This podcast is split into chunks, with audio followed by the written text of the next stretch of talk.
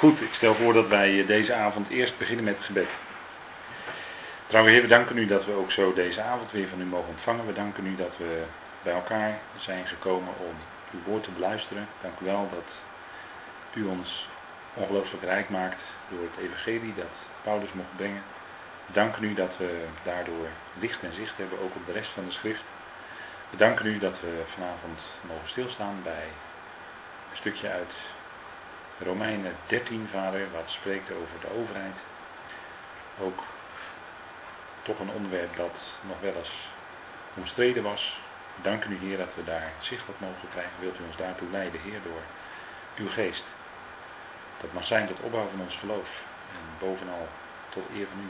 We danken u, Heer, ook voor deze avond, de laatste avond van dit seizoen. We danken u voor alle mogelijkheden die u hebt gegeven. Dat we met elkaar uw woord mochten overdenken. En dank u wel, Vader, dat we niet alleen in dankbaarheid kunnen terugkijken, maar ook vol vreugde vooruit mogen kijken, omdat we de toekomst die u geeft hebben leren kennen door uw woord. Zo met vreugde die toekomst tegemoet leven. Vader, omdat u daarin ongelooflijk veel gaat geven. We danken u daarvoor en leidt ons voor deze avond, ook in het luisteren, mogen het verstaan met ons hart. Vader, dank u wel voor wat u geeft in de naam van uw geliefde Zoon, onze Heer Jezus Christus. Amen. Goed, ik wil met u lezen dat stukje uit Romeinen 13, vers 1 tot en met 7. ik lees u uh, uit de herziende statenvertaling. Ieder mens moet zich onderwerpen aan de gezagsdragers die over hem gesteld zijn, want er is geen gezag dan van God. En de gezagsdragers die er zijn, zijn door God ingesteld, zodat hij die zich verzet tegen het gezag, tegen de instelling van God ingaat. En wie daartegen ingaan, zullen over zichzelf een oordeel halen. Want voor de overheid hoeft men niet te vrezen wanneer men goede werken doet. Maar wel als men kwade werken doet. Wilt u nu van het gezag niets te vrezen hebben? Doe het goede en u zult er lof van ontvangen. Zij is immers Gods dienares, u ten goede. Als u echter kwaad doet, vrees dan, want zij draagt het zwaard niet zonder reden. Zij is namelijk Gods dienares, een wreekster tot straf voor hem die het kwade doet. Daarom is het nodig onderworpen te zijn, niet alleen omwille van de straf, maar ook omwille van het geweten. Om die reden immers betaalt u ook belastingen. Het zijn namelijk dienaars van God die juist daartoe, die juist daarmee voortdurend bezig zijn. Geef dus aan allen wat u verschuldigd bent, belasting aan wie belasting, tol aan wie tol, ontzag aan wie ontzag en eer aan wie eer toekomt. Goed, tot zover dit gedeelte uit Romeinen 13. En we hebben de vorige keer er al heel even bij stilgestaan. De overheid. En daar hebben we natuurlijk allerlei vormen van. In Nederland kennen wij het verschijnsel van de parlementaire democratie. Oftewel een. Uh, ik kan het ook uh, van de andere kant zeggen, en dan is het een constitutionele monarchie. Nou, ik ben blij dat dat woord eruit is. Maar wij leven dus in een uh, samenleving in Nederland waarin wij één keer per zoveel tijd naar de stembus gaan, al naar gelang het kabinet het heeft uh, volgehouden. We hebben uh, recentelijk natuurlijk kabinet Balken en 1, 2, 3 en 4 geloof ik, 5 geloof ik ook nog net een beetje, 4b gehad. Nou, inmiddels alweer een ander kabinet. En hebben elke keer zijn we ervoor naar de stembus gegaan. En zo lijkt het net alsof er democratie is. Het Griekse woord zegt dan, demos is volk, kratos is macht, dus de macht aan het volk. Maar dat is natuurlijk wat ons wordt voorgehouden. En democratie, dat is uh, wat op dit moment, uh, althans uh, volgens de officiële nieuwsberichten, zeg ik dan met enige reserve, de wereld rondgaat. En in naam van democratie worden er ook allerlei acties in de wereld ondernomen. Want de democratie moet overal komen. En u ziet dat ik een pijltje naar beneden heb gezet naar het woord dictatuur. En dan zitten we in iets heel anders. Een dictatuur is dus als er één partij, zeker één persoon aan de macht is, die alles voor het zeggen heeft, die dan ook uh, dictator wordt genoemd. Nou, in de tijd van uh, Paulus was dat uh, Nero in Rome. dat was echt een despoot. ook op de achtergronden en het leven van Nero zullen we vanavond maar liever niet te ver ingaan. Niet te diep ingaan, daar kunt u genoeg over lezen. En ja, u ziet ook een pijltje. de ene is de foto's die ik erbij heb afgedrukt. De ene is van de zogenaamde Trèvezaal, waarin het kabinet altijd vergadert. En ehm, dat is dan zeg maar een vorm van uiting van democratie in Nederland. Maar het pijltje naar onder heb ik uh, uh, gezet naar een top die er was. Een top. In Londen in 2009, waar dus de, laten we zeggen, de belangrijkere personen van deze wereld bij elkaar kwamen. En u ziet dat er ook iemand uit het Midden-Oosten prominent aanwezig was, kennelijk. En ik vond deze foto eigenlijk wel aardig tekenend. Als een deel van wat eigenlijk de overheid wereldwijd is. En uh, ja, na democratie, wat, ja, wat misschien niet echt democratie is, maar goed, wij leven in een democratisch land waarin nog, wij nog betrekkelijke vrijheden hebben, waarin wij nog vormen van vrijheid hebben.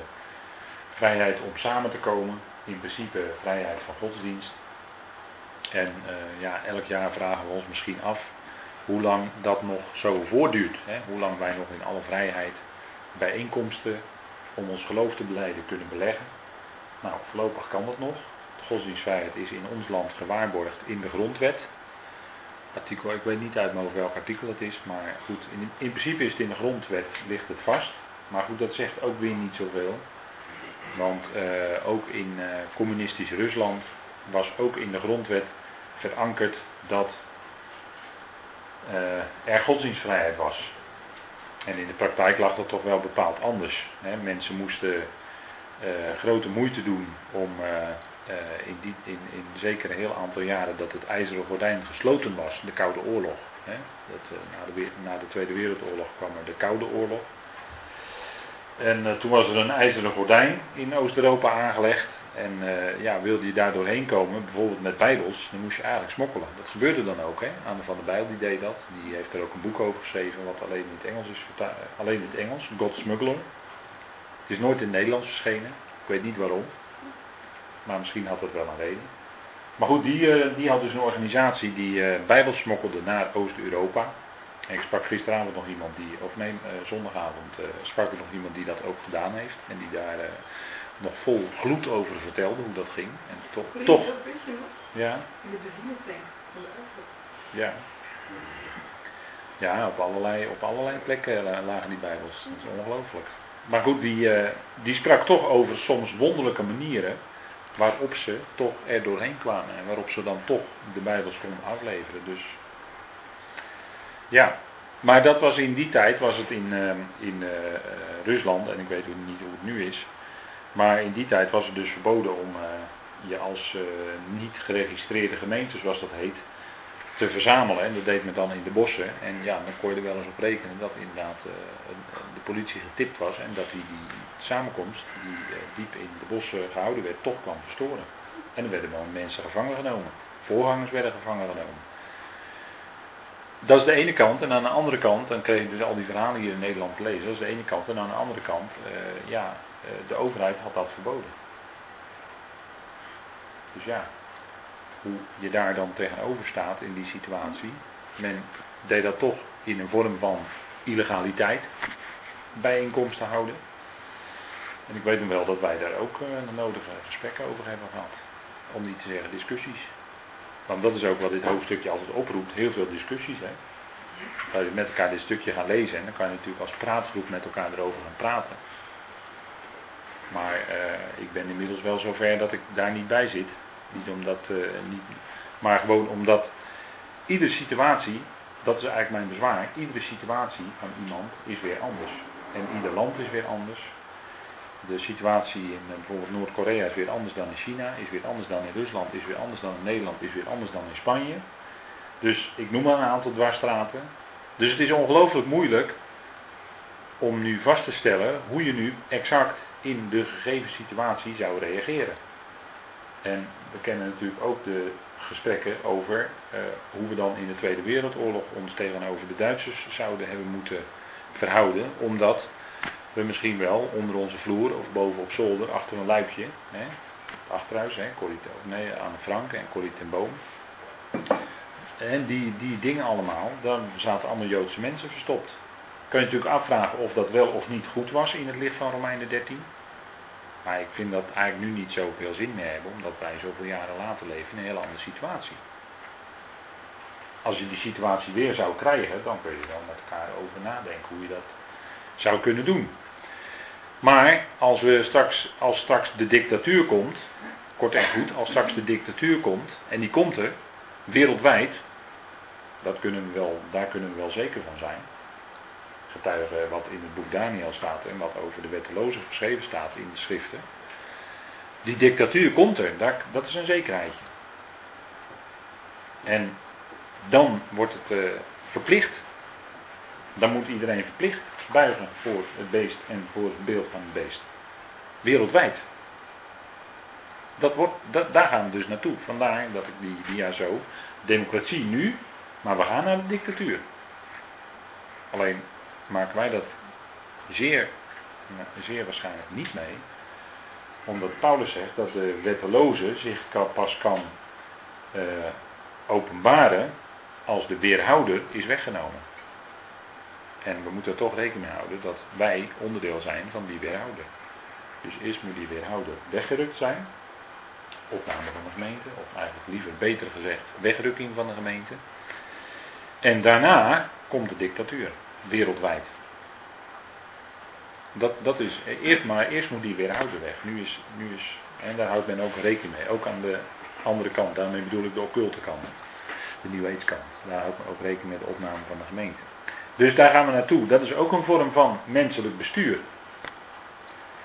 En dan zegt Paulus, ieder mens moet zich onderwerpen aan de gezagsdragers die over hem gesteld zijn, want er is geen gezag dan van God en de gezagsdragers die er zijn, zijn door God ingesteld. Dus de overheid, of het gezag, is iets dat boven ons gesteld is. Maar nu staat hier ieder mens. En ik meen dat ik de vorige keer er al op heb gewezen, dat er eigenlijk staat iedere ziel. Als u de voorhoevenvertaling heeft, dan staat er ook gewoon ziel. En in de herziene statenvertaling is daar uh, niet naar verwezen. Jawel, sorry, wel. Daar staat onderaan de voetnoot dat er letterlijk staat elke ziel. Dat klopt ook, staat in het Grieks het woord psyche. En dat betekent ziel.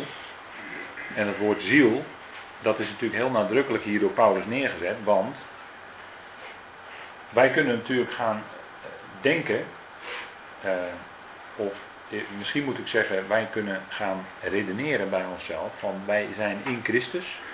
En in Christus is onze geestelijke positie boven alle overheid en macht en kracht. Dus boven alle overheid. Dat wil zeggen boven elke geestelijke overheid en ook boven elke menselijke overheid. Dus geestelijk gezien hebben wij die positie. En van daaruit zou je kun, verkeerd kunnen redeneren door te zeggen, nou, als we die positie hebben, dan hoef ik me hier op aarde dus ook niet te onderwerpen aan de overheid. Maar Paulus zegt hier niet dat het niet eh, onze geest is, maar iedere ziel. Dat betekent, ziel, een mens, een mens, dat, dat, dat, weten we wel, een mens volgens de Bijbel is een ziel. Een mens is niet een geest, een mens is een ziel. Het is niet zo dat een mens een ziel heeft die onsterfelijk is. En veel eh, binnen het christendom zijn er veel uitleggingen die zeggen dat een mens een onsterfelijke ziel heeft. Maar dat heeft een mens niet. Een mens is een ziel. En er wordt in de schrift ook gesproken over dode zielen. Hè, zielen die gedood zijn. Bijvoorbeeld in, uh, als het gaat in uh, bijvoorbeeld uh, de as van de rode koe in Numeri. Dat is de as van de ontzondiging. Daarmee moest iemand, er moest dan vermengd worden met water enzovoort. Daarmee moest iemand gereinigd worden die een dode had aangeraakt. Dat was maar dan staat er die een dode ziel had aangeraakt. En daarmee wordt gewoon een mens bedoeld die overleden was. Die wordt dus een dode ziel genoemd. Dus daarmee kun je zien dat het hele, de hele gedachtegang van de onsterfelijkheid van de ziel niet bijbels is. Hij komt wel in de Bijbel voor, want de slang die zei al in de hof dat, dat de mens niet zou sterven. Hoewel God gezegd had dat de mens wel zou sterven. Als je daarvan eet, zul je tot stervens toe stervend zijn.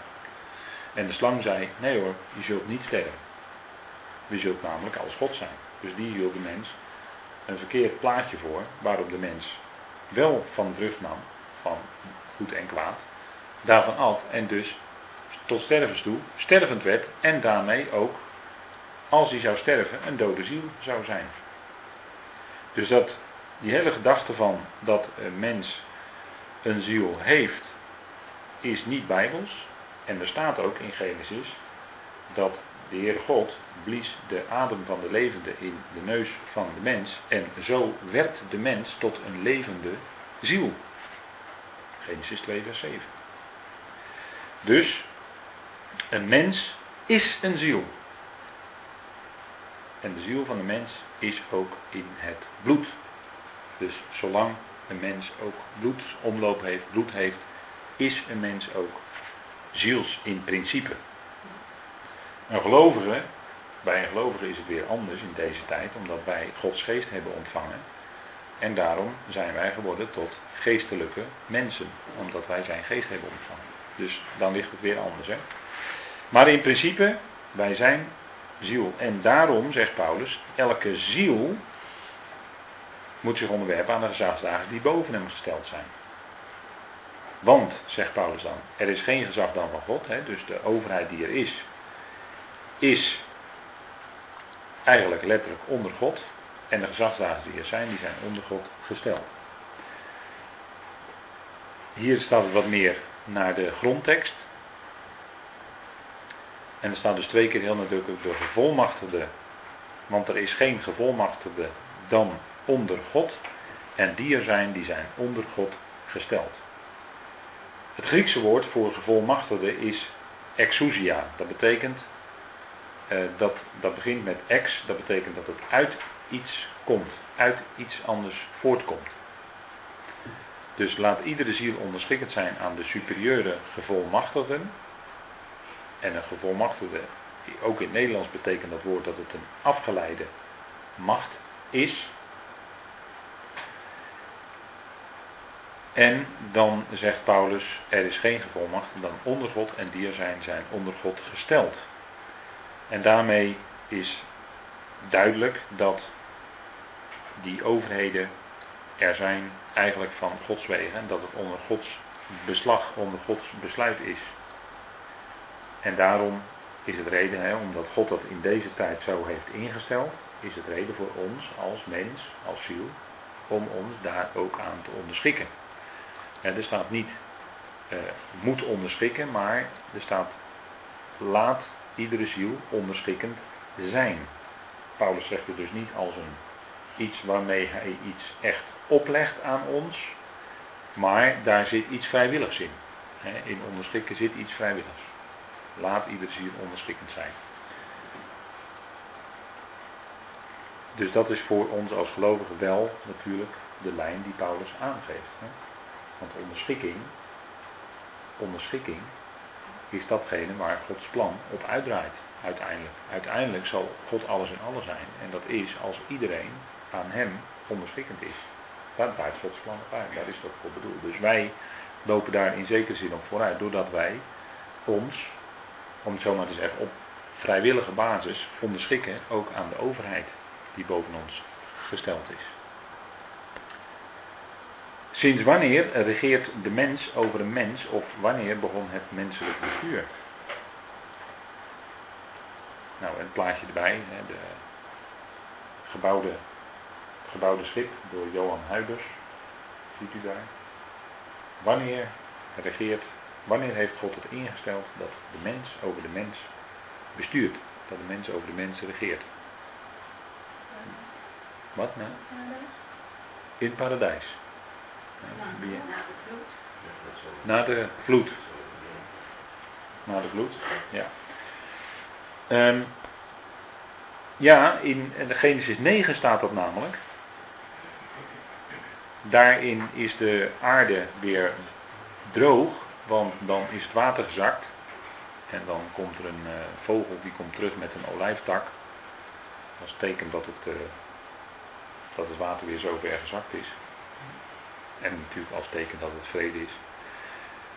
En dan staat er, voorzeker ik zal vergelding eisen voor uw bloed en voor uw levens. Letterlijk staat er dan zielen in het Hebreeuws.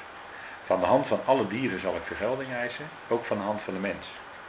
Van de hand van ieders broeder zal ik vergelding eisen voor het leven, letterlijk de ziel van de mens.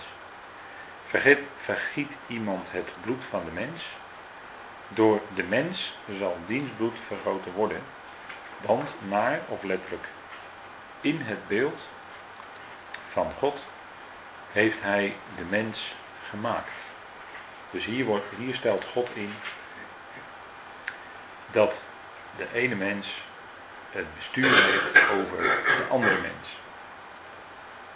En we zien hier ook in de tekst eigenlijk ook die relatie tussen het bloed en de ziel. Er wordt gesproken over bloed dat vergoten wordt. En in diezelfde teksten wordt ook gesproken over de ziel. Voor het leven of de ziel van de mens. Dus de mens zelf feitelijk. En ten diepste is dat wat God hier instelt, heeft een heenwijzing naar wie? Naar wie? Naar wie is dit ook een heenwijzing? Want in het beeld God, in het beeld van God heeft hij de mens gemaakt. Naar wie is dit dat een heenwijzing? Ja, naar Christus, ja. ja. Naar Christus als de zoon des mensen, hè? als de zoon van Adam. Als de mens bij uitstek. De mensheid zal natuurlijk aan Christus, als die mens is, onder, zich onderschikken. Zal ondergeschikt gemaakt worden. En in het beeld van God, dat is een verwijzing naar Genesis 1. En het beeld van God is Christus. Dus die mens is in het beeld van God, namelijk Christus, gemaakt. Dat is wel even goed om met elkaar vast te stellen. Want er worden verkeerde gedachten aan opgehangen. En dan betrekt men Psalm 8 erbij. Hè, dat God de mens gemaakt heeft en dat hij heerst over alles. En dan eh, zegt men, zet men in de vertaling erboven de mens de kroon op de schepping van God.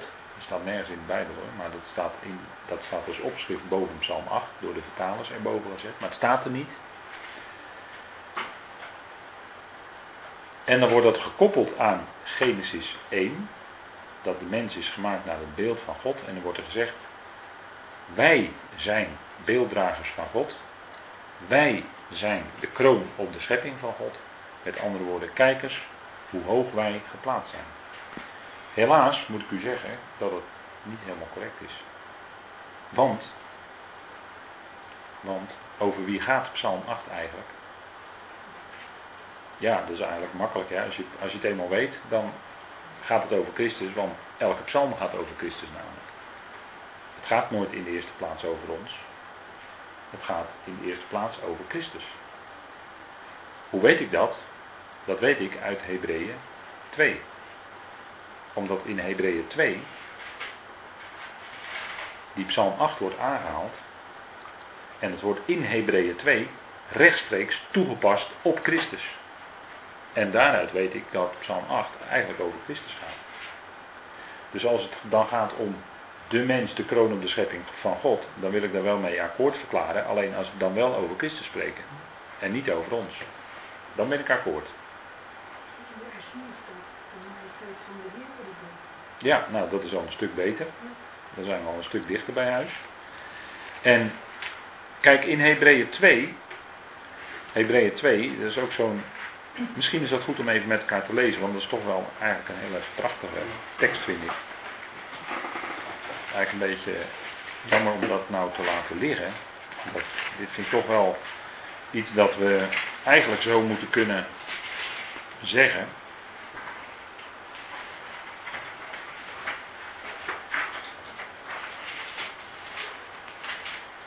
En op zich is de Hebreeënbrief wel een, eh, een, machtige brief. En wordt nog, wordt nog wel eens, helaas hier en daar, worden daar uh, ja, andere gedachten aan vastgekoppeld. Maar als je de tekst gewoon volgt, lijkt mij toch duidelijk zijn. Uh, Hebreeën 2 vers 5. Daar staat, want hij heeft de komende wereld, waarover wij spreken, niet onderworpen aan de engelen. Maar iemand heeft ergens getuigd, wat is de mens dat u aan hem denkt, of de mensenzoon dat u naar hem omziet. Dat is Psalm 8. wat is de mens dat gij zijn en gedenkt? En wat is de zoon des mensen? Nou, dan zeg je het eigenlijk al. Dat is Christus dus. Dat gij naar hem omziet. En dan gaat de Hebreeën schrijver gewoon in één adem door. Die gaat er gewoon helemaal vanuit dat het over de Heer gaat. U hebt hem voor korte tijd minder gemaakt dan de engelen. Voor korte tijd. Wie, wie, wie was dat? Dat kan alleen maar Christus zijn. Dat kan alleen maar de Heer Jezus zijn. Die is voor korte tijd beneden de engel geplaatst toen hij hier op aarde wandelde als mens. Met heerlijkheid en eer hebt u hem gekroond. Inderdaad, ja, na zijn opstanding en hemelvaart is hij met eer en heerlijkheid gekroond. Dit gaat niet over ons. Dit gaat over hem. U hebt hem gesteld over de werken van uw handen. Alle dingen hebt u onder zijn voeten onderworpen. Want bij het onderwerpen van alle dingen aan hem heeft hij niets uitgezonden dat hem niet onderworpen is. Nu zien wij echter nog niet dat hem met een hoofdletter dus alle dingen onderworpen zijn. Maar wij zien Jezus met heerlijkheid en eer gekroond, die voor korte tijd minder dan een engel geworden was. Ziet u het? Vanwege het lijden van de dood, opdat hij door de genade van God voor allen de dood zou proeven. Dus u ziet dat de Hebreeën schrijver in één adem Psalm 8 toepast op de Heer Jezus. Want het paste hem om wie alle dingen zijn en door wie alle dingen zijn, dat hij, om veel kinderen tot heerlijkheid te brengen, de leidsman van hun zaligheid, redding, door lijden zou heiligen. Immers, zowel hij die heiligt als zij die geheiligd worden, zijn alle uiteen. Daarom schaamt hij zich niet voor hen broeders te noemen. Want hij zegt, ik zal uw naam aan mijn broeders verkondigen, te midden van de gemeente zal ik u lof zingen. En welke psalm is dat? 22. Psalm 22. Dus Psalm 22 gaat. Ja. Dus Psalm 22 gaat ook over Christus. Ziet u dat, eigenlijk hoe makkelijk het is? Het is eigenlijk helemaal niet moeilijk, hè? Psalm 1 kunnen, zouden we zo mee kunnen beginnen. Hè, Psalm 1. Dat is die, die man, die, uh, die niet wandelt in de raad van de goddelozen. Die zit niet in de kring van de spotters. Maar die heeft aan de onderwijzing van de Heer zijn welgevallen. Die man uit Psalm 1 is natuurlijk de Heer Jezus. Dat kan niet anders. Als je het leest, dan zeg je van ja, dat kan nooit voor de mens 100% opgaan. Het ging wel op voor de Heer Jezus dus die man, die is als een boom geplant aan waterstromen. Inderdaad. Nou, dan gaan de beelden natuurlijk van de Bijbel doorlopen. en dan uh, kan het niet anders dan over hem gaan.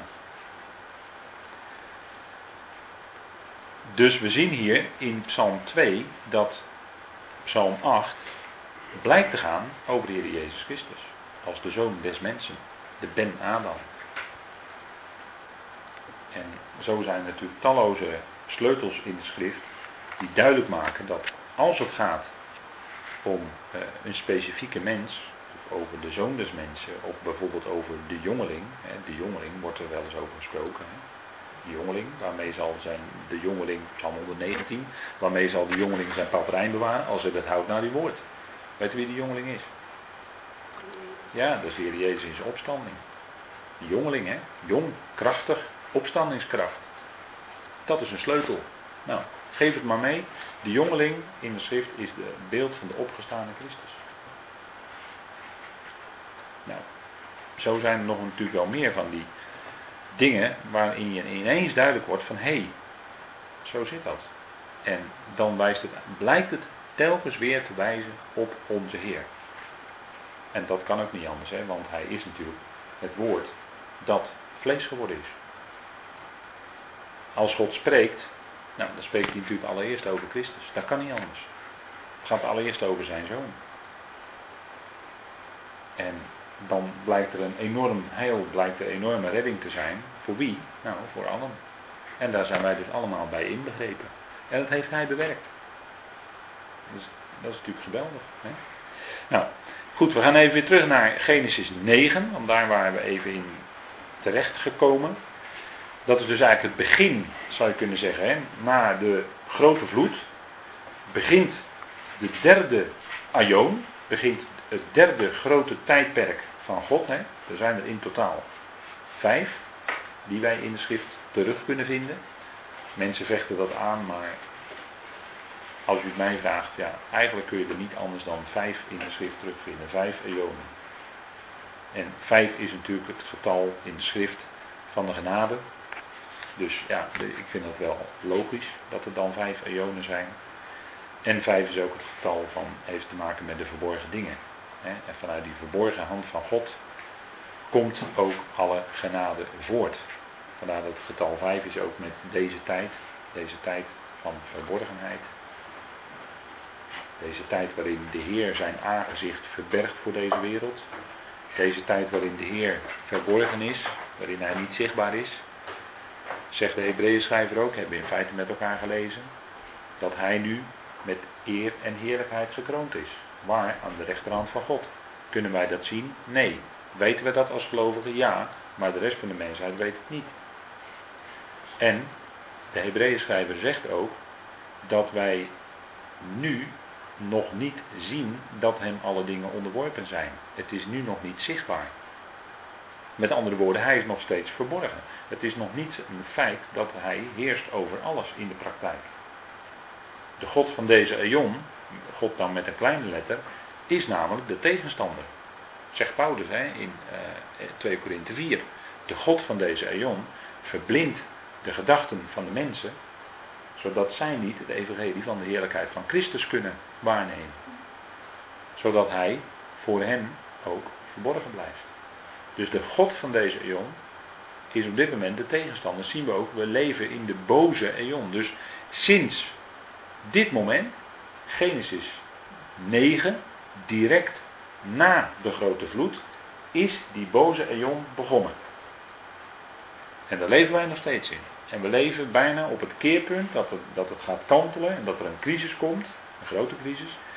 Die kantelt dan, en dan gaat het van deze derde eon, deze boze eon, naar de vierde eon, dat is de eon van de duizend jaar, van het koninkrijk. Daar, hè, maar dat is een enorm crisismoment, net zoals het bij Noach ook crisis was. En er werden slechts acht zielen, zegt Petrus, door de ark, doordat ze in de ark waren, behouden. Die werden gered voor die grote watervloed. Dat was een enorm crisismoment waarbij een groot deel van de mensheid dus werd weggevaagd. We zitten nu weer voor zo'n groot crisismoment, waarin ook opnieuw een behoorlijk groot deel, moet ik wel zeggen, van de mensheid gedood zal worden door diverse oorzaken. Daar gaat het boek Openbaring uitgebreid over. En dat is wat duidelijk toch beschreven staat. Hele ernstige gerichten, waarbij God dus diep moet ingrijpen.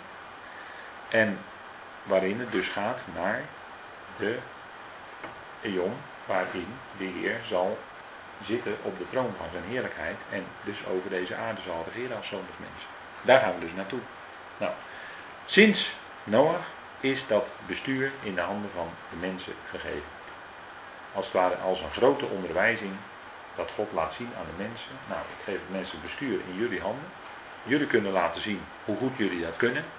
En het blijkt in de praktijk dat het allemaal niet zo goed gaat. Met het menselijk bestuur. Hè. Ja, er worden allerlei vormen van bestuur uitgedacht. En eigenlijk ontdek je steeds weer, er is nooit de ideale vorm, want het is nooit ideaal. Maar het moet er wel zijn, er moet wel menselijk bestuur zijn, zolang die mens nog vlees is, zolang die nog rebelleert tegen God, zolang die tegen de dingen van God ingaat, moet er menselijk bestuur zijn. En moet de mens daaraan eh, ondergeschikt zijn. Dat is nu eenmaal de gang die God door deze tijden gaat. Dus als iemand het bloed van de mens vergiet, dus iemand anders om het leven brengt, dan zal dienstbloed ook door de mens vergoten worden. Dat wil zeggen, het wordt gelegd in de handen van het menselijk bestuur en de overheid heeft in principe een volmacht, een overheid heeft een volmacht om ook een misdadiger daadwerkelijk terecht te stellen. Daarmee bedoel ik dus te doden. Een overheid heeft in principe, op grond van Genesis 9, kan die bevoegdheid hebben.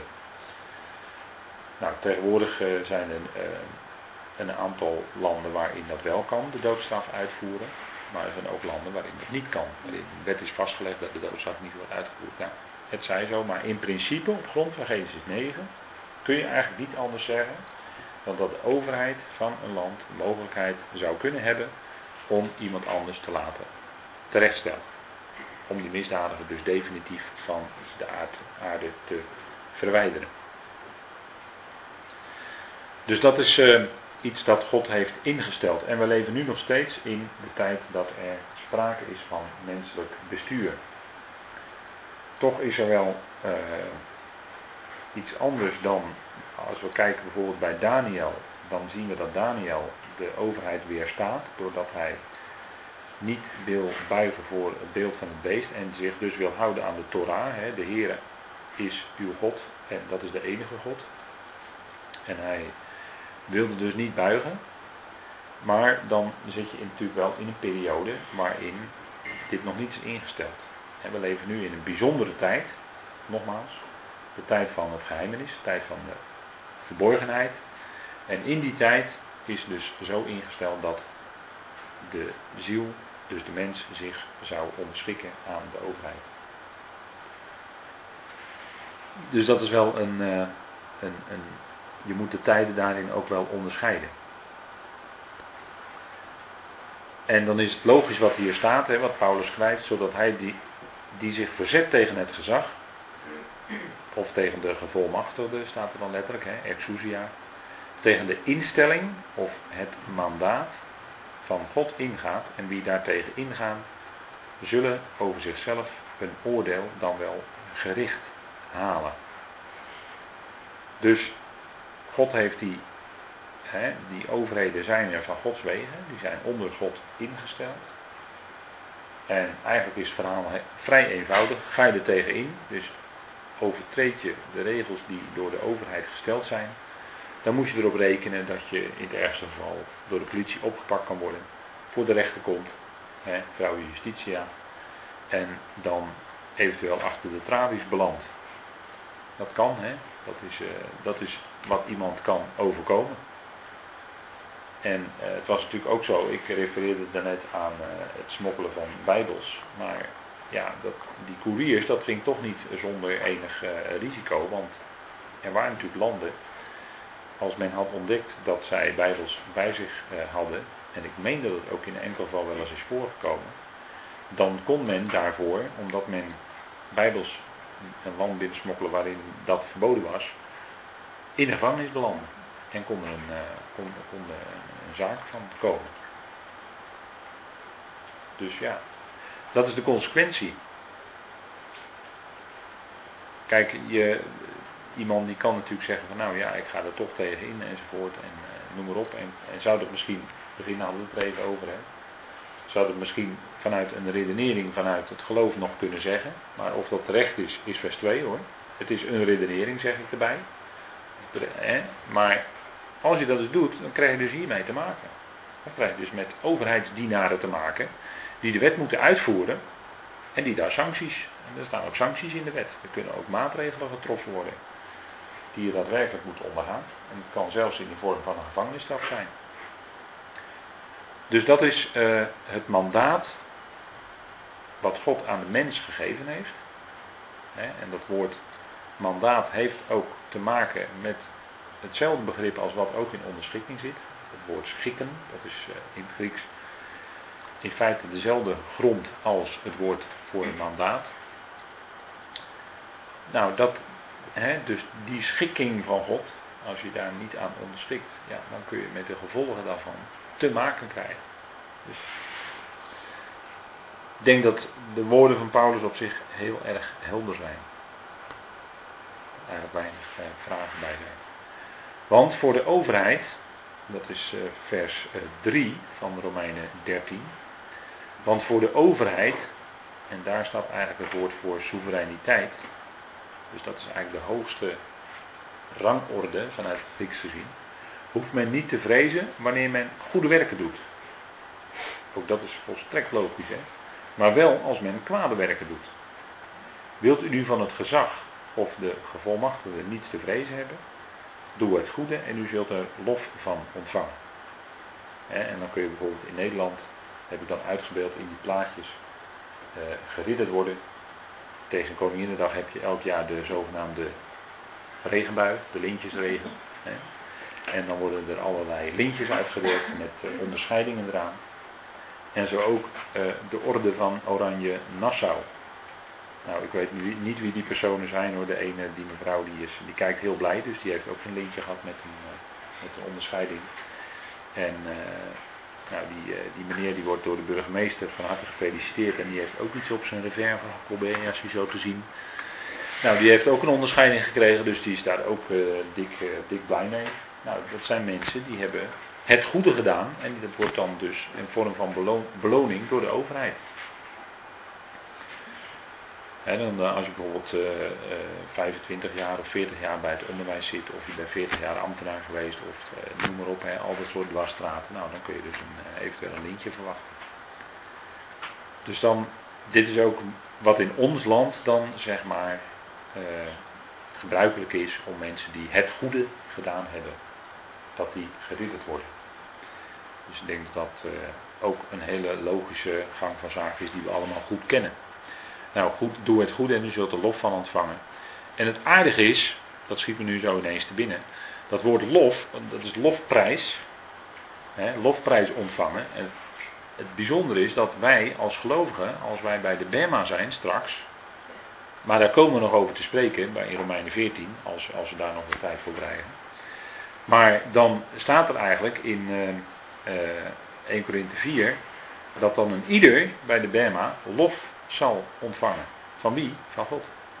Dat is eigenlijk ongelooflijk. En er staat eigenlijk hetzelfde woord lof ontvangen als wat hier staat. Lofprijs ontvangen. Dus dat is toch wel heel bijzonder hè. Dat we als gelovigen voor dingen die wij dan kennelijk gedaan hebben als gelovigen in dienstbetoon, dat we daarvoor van God lof zullen ontvangen. En terwijl God ons ook nog eens een keer daarvoor de kracht heeft gegeven. Want dat zijn we ons dan allemaal heel goed bewust. En nochtans worden wij toch beloond. Dat is eigenlijk heel wonderlijk. En we kunnen het eigenlijk niet zo goed begrijpen, maar goed, God doet dat zo, kennelijk. Maar goed, we komen over de Berma nog uiteraard uitgebreid, zeer uitgebreid te spreken. En hier heb ik even toch iets, eh, wil ik iets laten zien aan de hand van deze dia over een uh, bepaalde, uh, ja zoals ze dat dan noemen, een hiërarchie. Dus een bepaalde rangorde. Zoals die in de schrift dan naar voren komt. Dan de hoogste rangorde zou je kunnen zeggen, dat zijn de zogenaamde soevereiniteiten.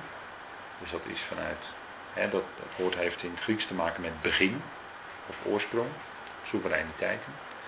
Dan daaronder volmachten of gevolmachtigden, dus die hebben een bepaalde volmacht ontvangen. Daaronder krachten. Daaronder heerschappijen. En daaronder tronen. Dus dat is een bepaalde hiërarchie die je in ieder geval in de geestelijke wereld hebt. Daar heb je dus hogere machten en je hebt lagere in rangorde. En de onderste, ergens onderaan, zitten dan bijvoorbeeld demonen of boze geesten.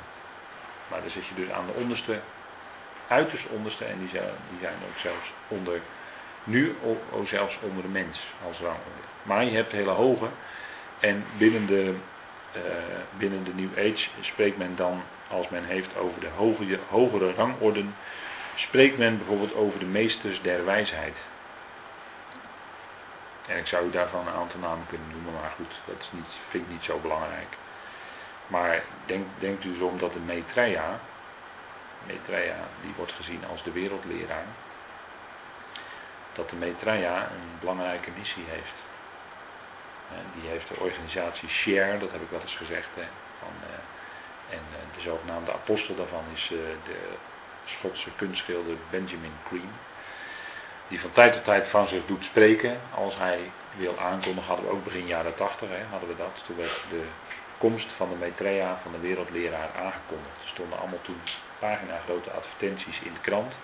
Misschien kunt u zich dat nog herinneren, ik wel. Ik weet ook nog precies bij welke tafel ik toen zat, waarin die krant oplegde en dat las, tot een stijgende verbazing. Maar toen werd dus aangekondigd, in pagina grote advertenties in kranten over de hele wereld, dus er zat veel geld achter, heel veel geld, dat die Maitreya er zou aankomen. En de mogelijkheid bestaat, maar ik, ik zeg ook weer heel voorzichtig nu, de mogelijkheid bestaat dat Maitreya misschien de valse profeet zou kunnen zijn. Of misschien zelfs wel de antichrist, maar meer nog de valse profeet, denk ik. Maar goed, laten we even voor wat het is. In ieder geval heb je dus binnen die geestelijke machten en krachten, heb je ook een rangorde.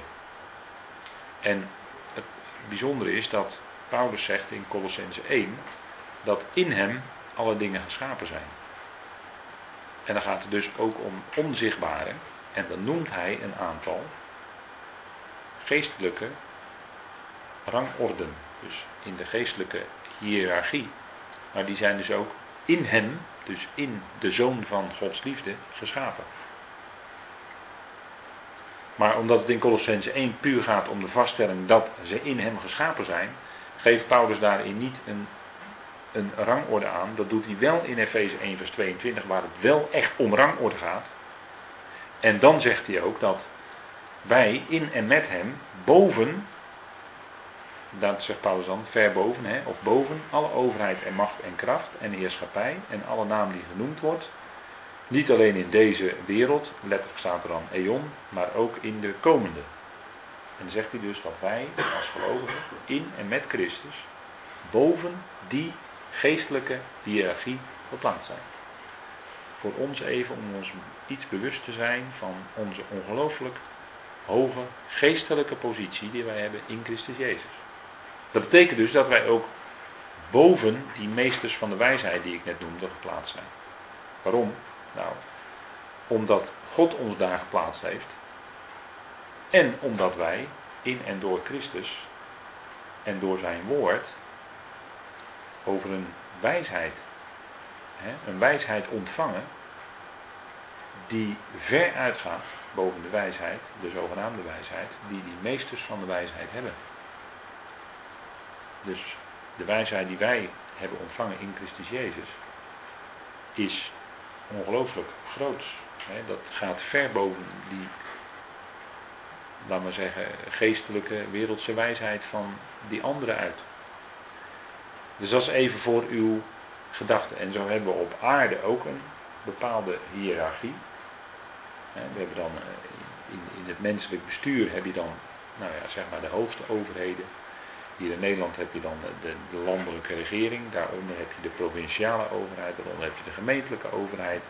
Nou, dat is even ook een soort trapsgewijs. Hè? Zo is het ook in de geestelijke wereld.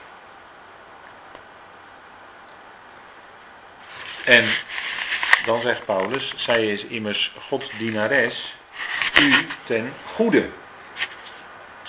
Kijk, want die overheid zorgt er ook voor dat zaken in Nederland eh, redelijk geordend zijn. dat, zoals die plaatjes, dat zaken er ook goed, netjes, onderhouden eruit zien.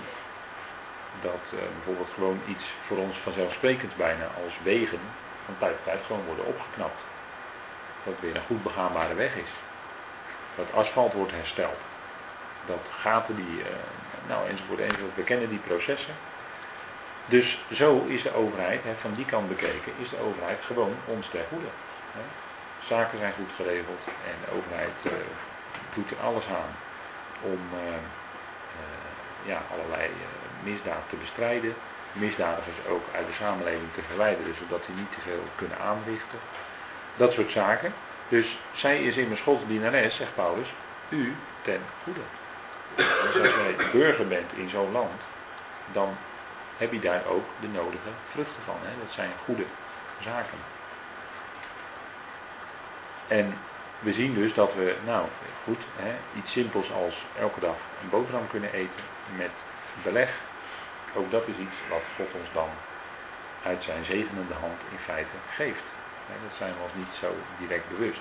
Het is niet vanzelfsprekend, want we hebben alleen geestelijke zegeningen, maar neemt niet weg dat in een land leven waarin het zo geordend is, geregeld is, dat de overheid voor bepaalde dingen zorgt en dat wij in alle rust en eh, stilte ons leven kunnen voeren en gewoon elke dag te eten hebben. En dat zijn dingen waar we God ook gewoon voor kunnen danken natuurlijk. Dus zij is Gods dienares, u ten goede. En dan weer de andere kant, als u echter kwaad doet, vrees dan, want zij draagt het zwaard niets zonder reden. Zij is namelijk Gods dienares, een wreekster tot straf. Letterlijk staat er dan, eh, wat we altijd vertalen met toren, maar liever verontwaardiging. Voor hem die het kwade doet. En dus we hebben opnieuw wat we er net ook al zagen. Ga je er tegenin, doe je het kwade, terwijl die overheid toch in principe voor jou ten goede is, dan kom je dus met de andere kant van de overheid in aanraking. Namelijk dat de overheid ook een bepaald zwaard draagt. Namelijk eh, de mogelijkheid heeft om straffen op te leggen en sancties in te stellen. En ook uit te voeren. Dus ook daarin zien we dat het een stukje eh, bestuur is, een stukje eh, om de dingen te ordenen, te regelen, die God dus aan, die, aan het menselijk bestuur gegeven heeft. En ik denk dat wat Paulus vaststelt, dat het voor ons uh, misschien wel uh, heel erg vanzelfsprekend is in ons land. Maar denkt u erom dat het in veel landen van deze wereld niet zo is en niet zo vanzelfsprekend is.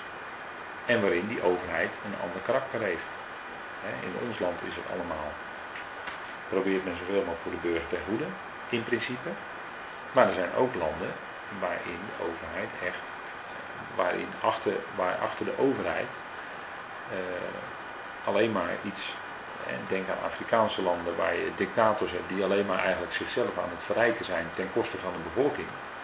Dan zit er een soort kwade iets achter die overheid die in dat land is. En dan hebben de burgers daar ook de negatieve gevolgen van. En dat is denk ik wat we ons uh, goed kunnen realiseren. Uh, omdat ja, dat grote verschil, dat zien we niet, maar die mensen die daarin leven, die zien dat wel degelijk. En het is eigenlijk wat dat betreft een niet zo gek verschijnsel hè, als het gaat om. Uh, als het gaat om mensen die dus uh, moeilijke landen zeg maar ontvluchten en hier naar West-Europa vluchten omdat ze hier toch een betere situatie verwachten te krijgen. Dat is niet zo gek. Nou goed, ik stel voor dat we even op dit moment een momentje pauze nemen. En dan zullen we daarna weer verder gaan.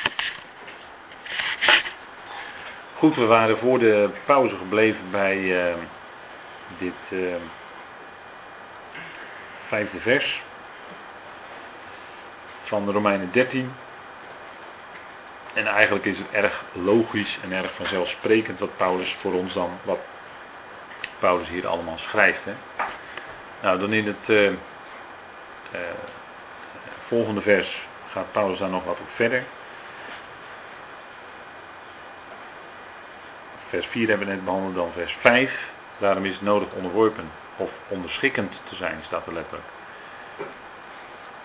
Niet alleen omwille van de straf, dus omwille van de toren of verontwaardiging, maar ook omwille van het geweten.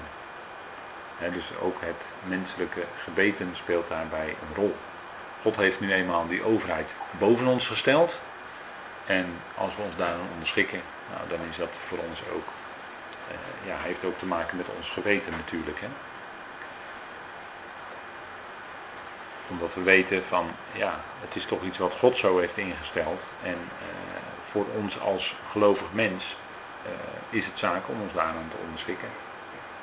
Nogmaals, dat woord onderschikken in, vanuit de grondtekst is nooit, uh, is nooit zo in de, de vorm waarin het staat, is nooit zo moeten, maar is altijd, klinkt daar toch het vrijwillige in door. Dus het gaat erom natuurlijk ook dat wij van binnenuit, dus vanuit ons hart, ons willen onderschikken. En dat is ook wat dan het woord van God of de evangelie in ons uitwerkt. Nou, dus ook omwille van het geweten. Hè, dat uh, woord geweten is uh, eigenlijk heel letterlijk gezamenlijk waarnemen. Dus is iets wat je waarneemt. En uh, waarbij je bepaalde dingen als het ware op een rij zet. Dus waar je waar je ook met je gedachten heel nadrukkelijk bij betrokken bent. En wat je dan ook, uh, ja, je bewust bent, zeg maar, je bewustzijn. Je bent je iets bewust. Je weet iets. En dat is een gezamenlijk weten. Je neemt iets waar en daardoor besef je iets, weet je iets. Dus ook omwille van het geweten. Je weet nu eenmaal dat je als ziel, als menselijke ziel, als mens daaronder gesteld bent. Om die reden, immers, betaalt u ook belastingen.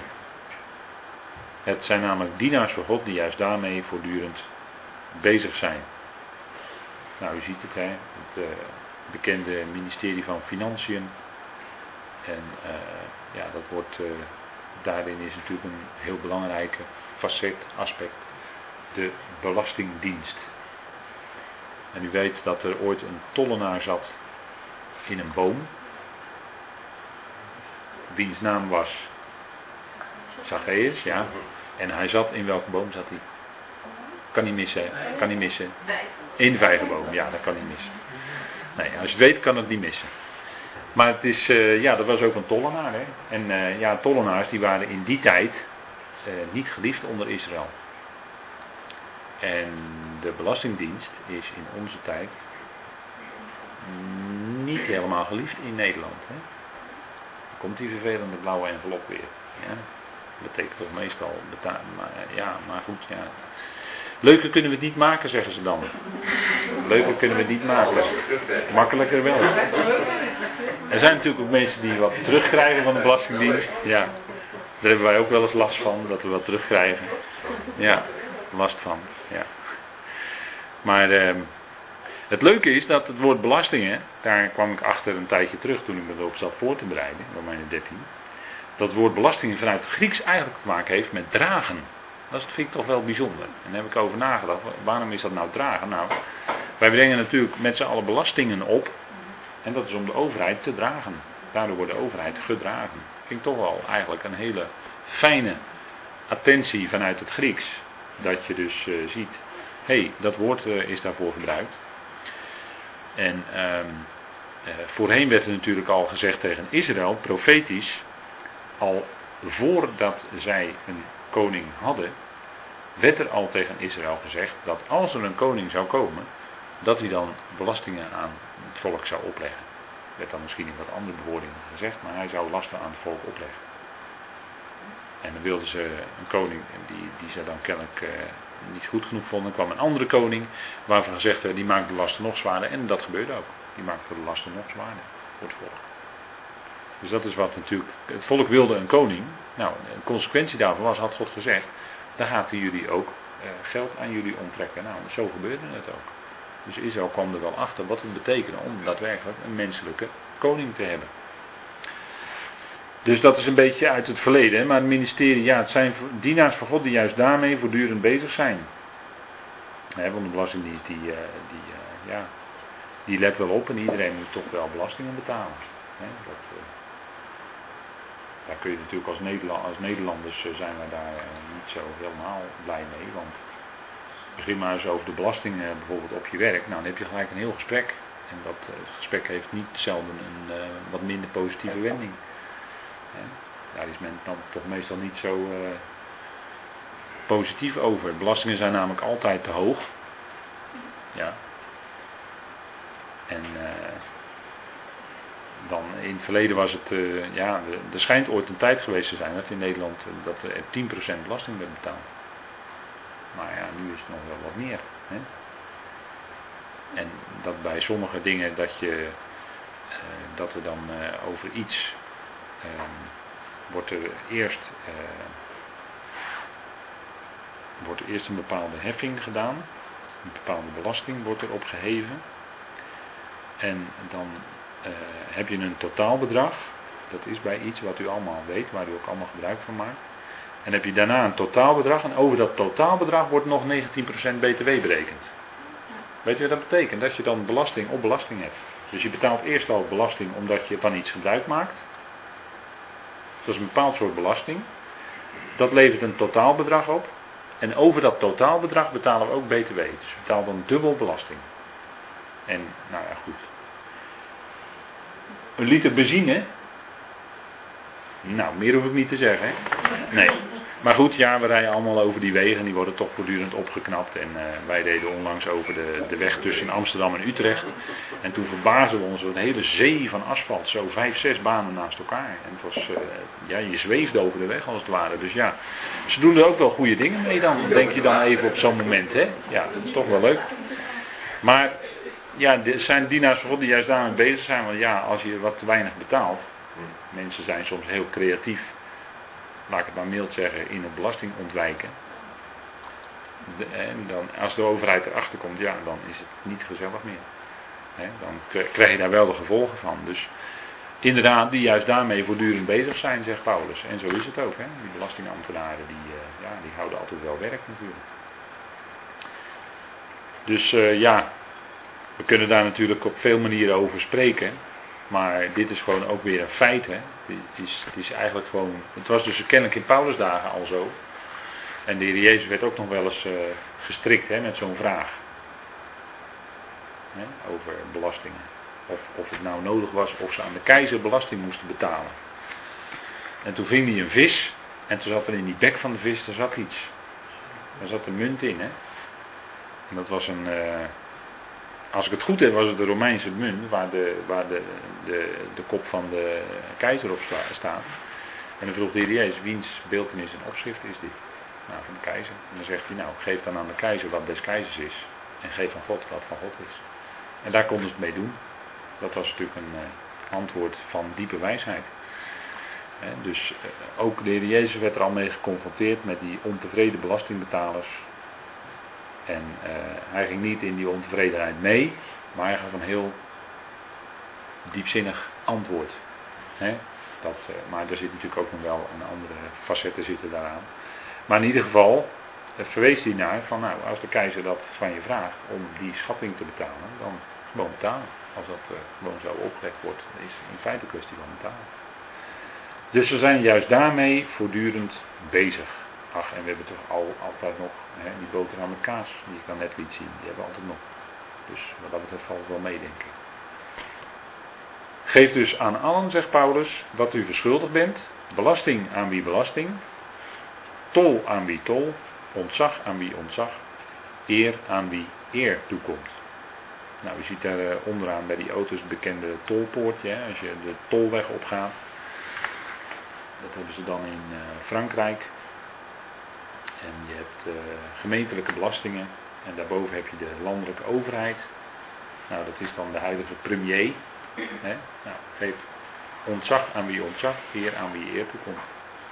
Dan kun je natuurlijk uh, gaan praten over, ja, over, de, over de politieke kleur van de premier. En dat je daar niet mee eens bent. En, ja, dat kan allemaal. Maar op dit moment is dat dan natuurlijk wel iemand die aan de leiding van de huidige regering staat. En dat is toch een kwestie voor ons van, nou, geef ontzag aan wie ontzag toekomt. Die, uh, diegene die werkt er ook hard voor om de zaakjes in ons land goed geregeld te houden. Dus uh, dat is natuurlijk toch een zaak van uh, ordening zoals die is. En dan ziet u ook links het embleem van de Verenigde Naties.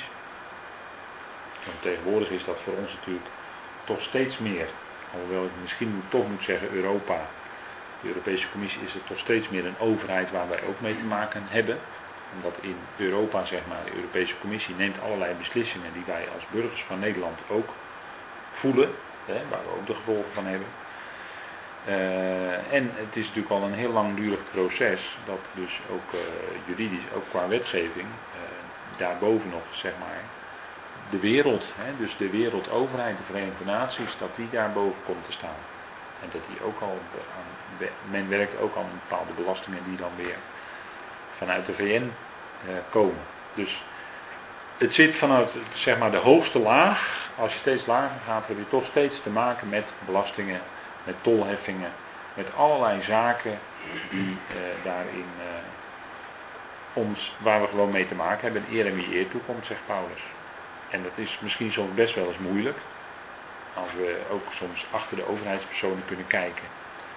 Uh, ja, waar een stukje richting aangegeven wordt, een stukje sturing. Maar niettemin zijn die overheden toch boven ons uh, gesteld. En ze zijn onder God gesteld.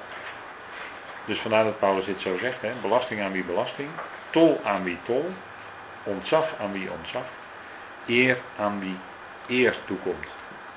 Ja, dat is natuurlijk altijd, uh, de overheid heeft ook wetgevingen nodig. En ja, in ons land is het zo dat er heel veel wetgeving is. En uh, van origine zegt men, ja, dat is ontleend aan joods-christelijke wortels. Daar is onze wetgeving op gebaseerd. Het is nog de vraag of dat zo is. Veel wetten worden natuurlijk gemaakt doordat mensen zich niet aan bepaalde dingen houden of zich niet goed gedragen. Daar wordt dan weer wetgeving op gemaakt, zodat dat weer ingeperkt wordt. En zo kun je een heel ingewikkeld proces krijgen van actie en reactie.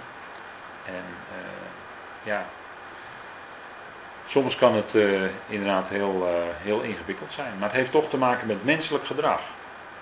Hoe de mens is, hoe de mens zich gedraagt. Daar worden dan wetten op gemaakt. En ja, die wetten hebben zo dan hun invloed. En daar komen dan weer beslissingen op. Omdat het enorm moeilijk is, omdat als je inderdaad met wetgeving gaat werken, wanneer, hè, of er zijn altijd weer uitzonderingssituaties te bedenken. Hè, als je bijvoorbeeld uh, regels gaat stellen, uh, ook bijvoorbeeld in, in een christelijke omgeving om het zo maar te zeggen. Je gaat allerlei regels stellen als je met gelovigen met elkaar te maken hebt. Dat is lastig. Waarom? Omdat er met die regels komen er na verloop van tijd weer allerlei uitzonderingssituaties. Je kan natuurlijk bepaalde regel stellen, maar ja, dan heb je weer net een situatie die net op de grens is. Of net, net, misschien net erbuiten valt. Ja, wat moet je daar dan mee? Moet je dan weer een nieuw regeltje gaan maken, voor, alleen voor het ene geval, om het zo maar te zeggen. En zo kun je natuurlijk door blijven gaan met het opstapelen van allerlei. Meer belangrijker is, denk ik, dat vanuit Gods woord bepaalde principes hebben. En voor ons is natuurlijk het leidende principe van waaruit wij als gelovigen leven, is eigenlijk niet zozeer in de eerste plaats uh, ja, regels, maar is in de eerste plaats dat we leven in de genade. Dat is natuurlijk waar wij in leven. En van daaruit geeft Paulus in zijn brieven een heleboel, laat maar zeggen, adviezen. En daarmee geeft hij bepaalde richting aan. Maar als je al die adviezen op een rijtje zet bij Paulus, dan zijn dat vaak nog hele algemene principes die hij aanreikt. Niet zo gedetailleerd. Waarom niet? Nou, je kan het ook niet gedetailleerd maken, omdat iedere mens weer anders is. Elke situatie is weer anders. Er doen zich toch allerlei situaties voor. En daarin is het eigenlijk uh, niet goed te doen om dan specifiek, hè, je, je merkt als je bijvoorbeeld, uh, ja, als je bijvoorbeeld de eerste Korinthebrief neemt, dan zie je dat Paulus dus een heleboel dingen daarin behandelt, als het ware. En dan gaat hij ook soms vrij diep op specifieke dingen in. En, en toch houdt hij dan toch uiteindelijk toch bij algemene principes. He, uh, bijvoorbeeld het eten van vlees, he, in Korinthe 8. Nou, er was een probleem. Er waren mensen die waren tot geloof gekomen. En die kwamen uit de heidense afgodendienst. En in die afgodendienst werd vlees aan de afgoden geofferd. Die mensen waren tot geloof gekomen. En die wilden vervolgens niet meer dat vlees eten. Want zij wisten dat het aan de afgoden geofferd En voor in hun ogen was het dan niet zuiver of niet rein. En andere gelovigen, die hadden er helemaal geen last van. Zoals Paulus, die zei gewoon, nou je kan alles eten wat maar aan vlees te kopen is. Het maakt helemaal niet uit. Want afgoden betekent voor ons helemaal niets. Wij kennen maar één God. De Vader uit wie alle dingen zijn. En al die andere afgoden zijn eigenlijk nietsen. Die stellen helemaal niets voor. Dat was Paulus' overtuiging. Maar er waren mensen die hadden nog, daar zegt hij, het geweten van de afgod. Dus die hadden een geweten wat nog belast werd als zouden ze dat, dat vlees eten. Dat konden ze niet, voor hun geweten niet overeenkomen. Nou, dan gaat Paulus dan op die situatie in. En dan zegt hij van nou, als ik nou te maken heb met mensen die daar last mee hebben, dan uh, op dat moment laat ik het voor wat het is, dat vlees. Ik eet het niet om niet die andere broeder of voor het hoofd te stoten. En puur omwille van de onderlinge liefde, puur omwille van de liefde, had hij dan dat afgoden vlees niet. Terwijl hij dat naar de vrijheid die hij in Christus heeft, best had kunnen doen. Maar dan zegt hij nou, als mijn broeder dat nou vervelend vindt, dan zal ik bij wijze van spreken in de Ion geen vlees meer eten. Opdat die broeder niet door mijn kennis hè, verloren gaat. Paulus had kennis, geweldige kennis, en hij was ook van overtuigd van, nou zo zit het. Die afgoden zijn niks, maar die broeder was nog niet zoveel. Dus zegt hij, nou, omwille van de liefde zal ik het dan laten. Maar hij legt het dan niet op als regel. Hij zegt, dat is nou een principe vanuit liefde, vanuit genade. Dat je dus dat dan op dat moment laat. En dan reikt hij ons een principe aan waarover je kan nadenken. En waar je wat in je persoonlijk leven wat aan kunt hebben. En dan zal het misschien niet gaan om eten van vlees, maar misschien weer om andere dingen. Dat je dus omwille van de liefde misschien wel eens voor andere dingen laat. Terwijl je wel die vrijheid hebt in Christus. Dat is dan zo'n principe wat Paulus ook aanreikt. En dan noemt hij dus een specifiek voorbeeld uit die gemeente. Nou, en zo werkt dan eigenlijk die genade door. En dan ziet u wel van, zo kan je natuurlijk 10.000 dingen verzinnen. 10.000 kleine omstandigheden, grotere omstandigheden. En je dan afvragen, hoe moest je nou handelen? Maar dat geeft Paulus niet aan. Want anders zou je hele dikke brieven hebben gehad van Paulus.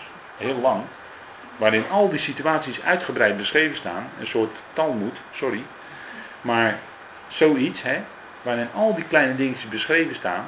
Van uh, ja, ik, uh, hè, ik, als ik, als ik uh, eet, dan moet, mijn, mijn, moet het bestek goed, goed schoon zijn. En dan moet ik mijn handen hebben gewassen. En, nou, waar de Joden allemaal mee bezig waren. Hè. Dan krijg je dus al dat soort regeltjes.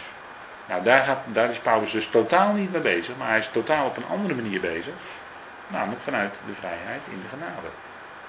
En dan kan je dus zeggen, nou, omwille van de liefde, doe ik juist iets niet.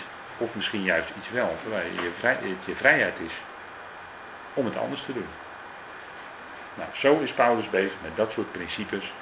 En, en hier eigenlijk in Romeinen 13 uh, spreekt hij eigenlijk ook in algemene bewoordingen geeft hij gewoon een algemeen principe aan.